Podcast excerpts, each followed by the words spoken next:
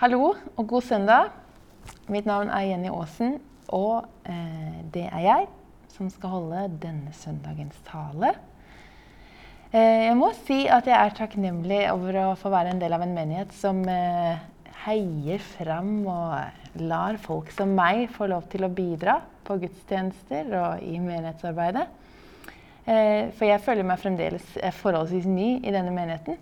Men eh, det her er en tjeneste, det å få lov til å tale, er en tjeneste som jeg eh, kjenner at jeg er skikkelig glad i og liker. Og jeg er veldig for at kristen tjeneste skal handle om at eh, man eh, går dit hvor eh, Altså gjør det man kjenner at man brenner for, istedenfor at man eh, alltid bare skal kjenne på at eh, man må tjene der det brenner.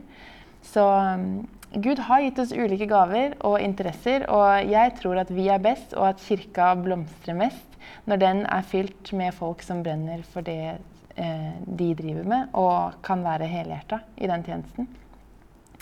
Eh, apropos helhjerta. I mai og juni så har vi en taleserie her i Nordkirka som heter Helhjerta liv. I denne taleserien studerer vi Lukasevangeliet. Og eh, vi fokuserer på hvordan Jesus levde et helhjerta liv. Eh, for eh, å lære hvordan vi også kan leve mer helhjerta liv. Både i retning mot Jesus, men også i hvordan vi møter andre mennesker.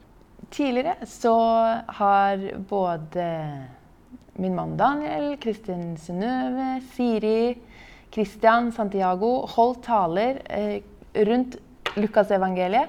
Um, og eh, i dag, i Lukas 11 og 12, så skal vi se på historier som Lukas har samla om Jesus som underviser folk, om hva det vil si å eh, følge Jesus, eller hva det vil si å være helhjerta. Eh, dagens fokustekst er henta fra kapittel 11, 37-42. Og for meg så forteller denne teksten oss noe om at Jesus selv levde et helhjerta liv. Så Derfor så har denne talen fått tittelen 'Helhjertede Jesus'. Men hør på eh, teksten nå. Da han hadde talt, var det en fariseer som innbød ham til å spise hos seg. Og han ble med inn og tok plass ved bordet. Fariseeren ble forbauset da han så at Jesus ikke helte vann over hendene før måltidet. Men Herren sa til ham, Ja, dere fariseere, dere gjør beger og fat rene utvendig, men innvendig er dere selv fulle av griskhet og ondskap. Uforstandige mennesker. Han som har skapt det utvendige, har ikke han også skapt det innvendige? Gi heller det dere har i beger og fat, som gave til det fattige. Så blir alt rent for dere. Men ved dere, fariseere, dere gir tiende av mynte, vinrute og alle slags grønnsaker, men overser rettferdighet og kjærlighet til Gud. Det ene burde gjøres, og det andre ikke forsømmes. Så jeg vil i denne talen eh, fokusere på hva det betyr å leve helhjerta. Hva betyr helhjerta? Eh, jeg vil også fokusere på hva jeg mener med at Jesus i den teksten vi nettopp hørte, viste tegn på helhjertahet. Og så til slutt så vil jeg se på hvordan dette her kan inspirere og hjelpe oss til å leve mer helhjerta. Så ordet helhjerta har gått igjen hele denne vinteren og våren i taleseriene her i Nordkirka. Helhjerta liv, helhjerta givertjeneste, helhjerta for Gud eh, osv. Helhjerta, det ordet, det appellerer veldig til meg. Eh, jeg trekkes mot det å være og leve helhjerta. Eh, jeg hører det, og jeg tenker ja, det lengter jeg etter. Eh, samtidig så er det litt vanskelig å definere det ordet. Det er litt vanskelig å egentlig vite helt hva det betyr. Noen syns kanskje det er et litt slitsomt ord. Et litt sånn strebersk ord tappa for nåde. Kanskje. Jeg kommer til å dele litt om hvorfor jeg mener at det Jesus kritiserer hos fariseerne, faktisk er halvhjertahet.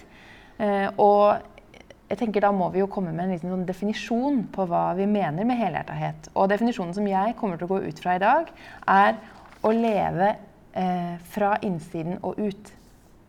Så å leve ut fra en indre overbevisning, eh, ikke ut fra det omstendighetene forventer. Ikke bare pynte på utsiden mens innsiden råtner på rot, men å faktisk være hele mennesker. Med alt det innebærer. Sønnen min har en bok som heter 'Halvhjertede Herbert', som jeg tenkte kanskje den kan hjelpe oss å illustrere definisjonen. Den handler om Herbert som stadig bare gjør en halvhjerta innsats. Eh, han gidder bare å knytte den ene skolissen. Eh, gidder bare å pusse tenna oppe og ikke tenna nede. Eh, han gidder bare å gjøre halvparten av leksene. Og han gidder bare å høre på halvparten av det fotballtreneren sier. Eh, og Herbert han ender opp med å havne i trøbbel selv, og han skaper trøbbel for andre. Både Herbert selv og de rundt ham, f.eks. lagkameratene, de ville fått det mye bedre hvis han hadde vært mer helhjerta. Ok, Så la oss nå ta en titt på hva dagens tekst kan ha med helhjerta Jesus å gjøre. Eh, før vi etterpå funderer litt på hvordan det kan hjelpe oss til å leve mer helhjerta fra innsiden og ut. Fra første setning i dagens tekst så viste Jesus tegn på det jeg vil kalle helhjertahet. Han var mer opptatt av hva han mente var riktig å gjøre, enn av det som passa seg. Eh, og det passa seg ikke, det han gjorde, og det skapte reaksjoner.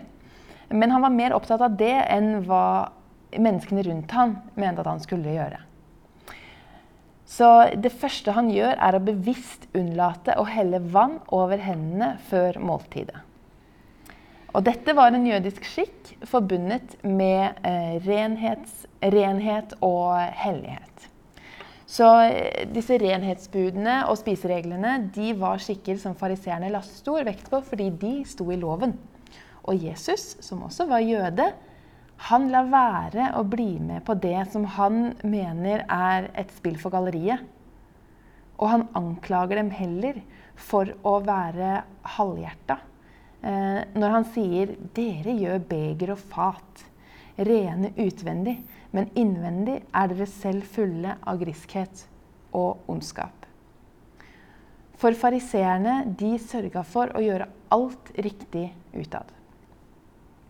Eh, men Jesus visste at i Guds øyne så blir alle disse renhetsbudene og skikkene bare tomme og verdiløse gjerninger når lovens faktiske mål, som er rettferdighet, kjærlighet til Gud, sannhet, ydmykhet De blir ikke nådd gjennom måten disse menneskene gjennomfører skikkene.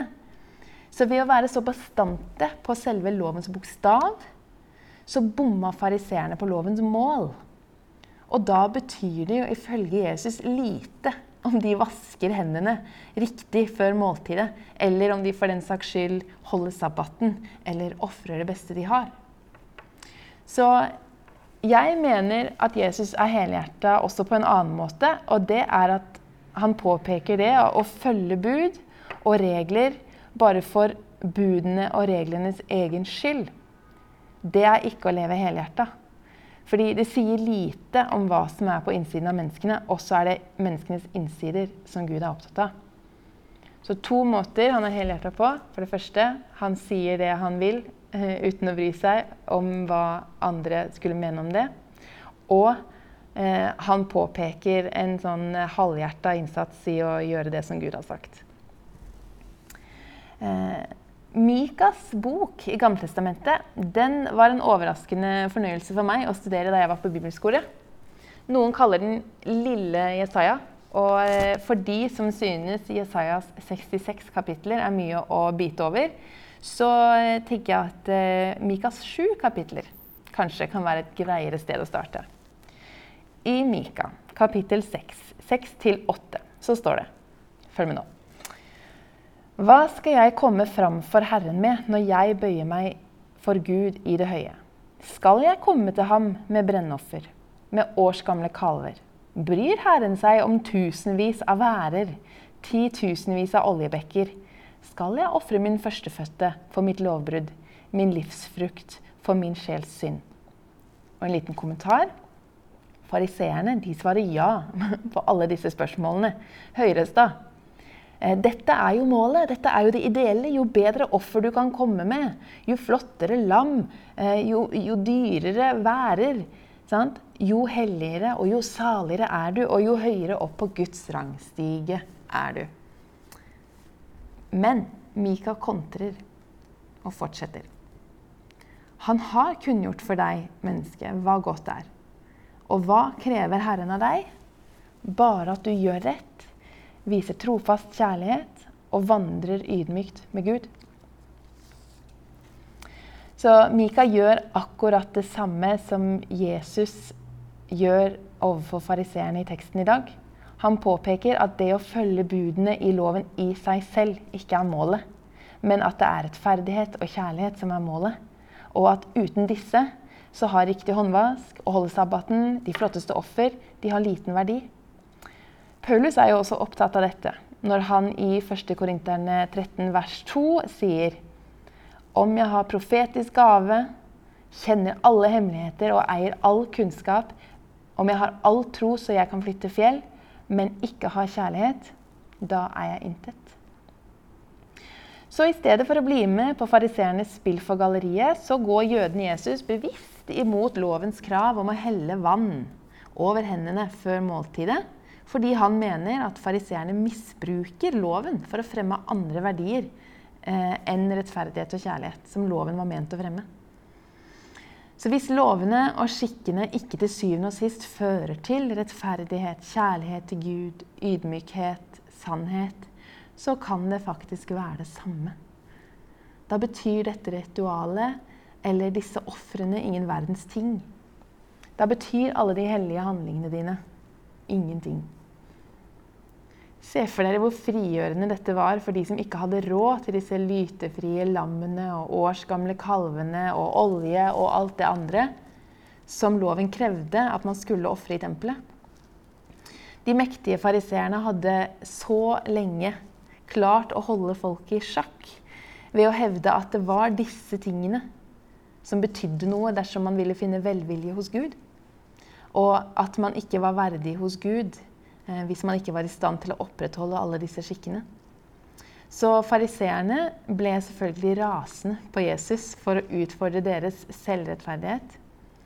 Og ikke bare trodde de at de var gode nok for Gud, men de mente jo fast bestemt at de som ikke fulgte disse skikkene, var langt fra Gud, og at de dermed hadde rett til å lesse på disse menneskene byrder i Guds navn. Jesus eh, sier det som det er. Eh, dette er skremselspropaganda. Og det er like ille ute med dere som det dere påstår det er med alle disse andre menneskene. Så hos fariseerne så gjorde Jesus seg enormt upopulær. Og i lys av det så er det kanskje heller ikke så overraskende det som skjer i starten av neste kapittel, eh, i, som er neste avsnitt. Der står det Imens hadde folk samlet seg i tusentall for å høre Jesus, så de holdt på å tråkke hverandre ned. Så Som jeg ser det, så viser Jesus seg her som et helhjerta forbilde i to ting. En, han var mer opptatt av å tale og handle ut fra det han mente var riktig, enn ut ifra det menneskene rundt ham mente han burde tale og mene. To, han viste at det å være helhjerta eh, ikke handler om å ha et fromt ytre, men om å fremme kjærlighet, rettferdighet, sannhet, ydmykhet. Han forkaster ikke dermed loven, og han sier ikke at loven ikke betyr noe lenger. For han understreket at det er dette som er lovens formål, og at dette ikke må forsømmes. Så hvordan kan vi, i lys av Jesu helhjertahet, lære å leve dette selv. Jesus visste hva hans verdier var. Uavhengig av hva menneskene rundt ham ville tenke om hans ord og handlinger, så var det verdiene hans som drev ham i hans ord og handlinger. Og hva var verdiene hans? Å tale sant om det han visste var Guds vilje. Framfor det å tale det han visste folk ville høre. Og dette beundrer jeg veldig denne dagen, da han virkelig yppa på seg fariseerne, så var han sammen med mektige religiøse mennesker. Det var det fariseerne var. Mektige religiøse mennesker. Jeg kan jo bare tenke meg meg selv og hva som driver meg i møte med mektige religiøse mennesker. Kunne like så godt hatt et armbånd hvor det sto 'What would mektige mennesker do'? Eh, Jesus ga ikke den tanken fem flate øre. Han levde heller ut fra sin indre overbevisning om eh, at det var det som var hans fars vilje, som var det som var det viktigste. Så for å våge å la oss inspirere til å leve det her, så må vi vite hvor vi hører til, og hvem vi hører til. Tilhørighet er veldig viktig. Det er en av de sterkeste drivkreftene i oss mennesker. Vi trenger å høre til. Og det ligger dypt nede i vår syke, og vi er villige til å gjøre veldig mye for å holde på den tilhørigheten. Så hvis vår tilhørighet først og fremst ligger hos mennesker, og det viktigste for oss er hva andre mennesker syns om oss og om det vi sier og gjør, så vil det å leve helhjerta være umenneskelig vanskelig. Og med fremveksten av sosiale medier og likes og snapstreaks og det der, så har det blitt tydelig at vi lever jo i en sånn epidemi av at hva mennesker synes om oss, er det som virkelig betyr noe. Men Jesu tilhørighet var først og fremst hos Gud. Han visste hvem han var i Gud, at han var elska, god nok. Han hadde sin viktigste tilhørighet der. Og da var han også villig til å utfordre disse menneskene når han mente at de gjorde mer vondt enn godt. Fordi det å være innafor hos dem ikke var hans viktigste verdi. Som avslutning så vil jeg si at vi som kristne og vi som menighet, vi må ta inn over oss at eh, vi også kanskje kunne vært mottakerne av en lignende hard kritikk fra Jesus. Dere gjør beger og fat rene utvendig, men innvendig er dere selv fulle av griskhet og ondskap. Gi heller det dere har i beger og fat som gave til de fattige, så blir alt rent for dere. Fra Lukas 11, 39-41. Det er jo liten tvil om hva samfunnet mener om oss kristne. Mange sier jo at de ikke våger seg inn i kirka fordi de er ikke gode nok, eller de får ikke til å være så perfekte som man må være for å gå i kirka. Og jeg husker i barndommen da venninner skulle være med meg i kirka, og de var livredde for å ha kledd seg feil, eller at de plutselig skulle glippe et banneord uten å mene det. Hvor har de disse antagelsene fra at eh, vi i kirka liksom får alt til. Grunnen til at vi er her, er jo fordi vi har våget å innrømme for Jesus at vi ikke får det til, og at vi trenger Hans nåde og Hans frelse. Så dette mener jeg at vi må være mer opptatt av å få fram. Og jeg husker at jeg syns det var fornøyelig.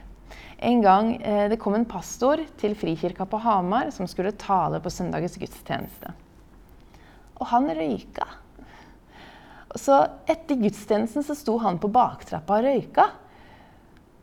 Og jeg vet ikke hvordan dere tenker om røyk her sørpå, men eh, jeg var liksom vokst opp med å være vant med å tenke at eh, hvis du var skikkelig kristen, så røyka du ikke. Så denne pastoren han ble vel egentlig et bilde for meg på at røyk ikke trenger å være et spørsmål om frelse, men kanskje heller et spørsmål om helse. Eh, og man kan mene mye om dette, men jeg tenkte som så. Kanskje kommer flere folk til kirka hans enn til kirka vår. Fordi han viser i hvert fall at det å være frelst ikke handler om å leve plettfrie liv. Og det syns jeg var noe å tenke på. Nå vil jeg gjerne be, og så er jeg ferdig. Kjære far. Takk for at du har gitt oss et forbilde i Jesus. Ikke et forbilde i å være um, jo, han var perfekt, men ikke et forbilde som sier at vi skal være perfekte, men et forbilde i at eh, vi skal kjenne at vi trenger han, og at det er han som har gjort det viktigste. Og at det vi skal gjøre, er å, er å eh, elske andre mennesker med denne kjærligheten som han har vist oss, og elske deg med den kjærligheten som han har elska deg med og vist oss. Jeg ber om at du skal lede oss i å være sånne kristne som, som trekker andre mennesker mot oss, heller enn å skyve andre mennesker fra oss. Jeg ber om at du skal gi oss verktøy og redskaper i å forstå hvordan vi kan gjøre dette. For vi ønsker ikke å være folk som andre mennesker tror at det er uoppnåelig, eller at vi står med nesa i været. Vi vil ikke det. Fordi vi vil heller at folk skal kjenne at å ja, de som går i den menigheten der, de er sånne som det går an å snakke med. Det er det vi ønsker. Og vi ønsker å vise kjærlighet og sannhet og ydmykhet, rettferdighet i møte med bygda vår. Så vil du hjelpe oss med det, Gud. I ditt navn. Amen.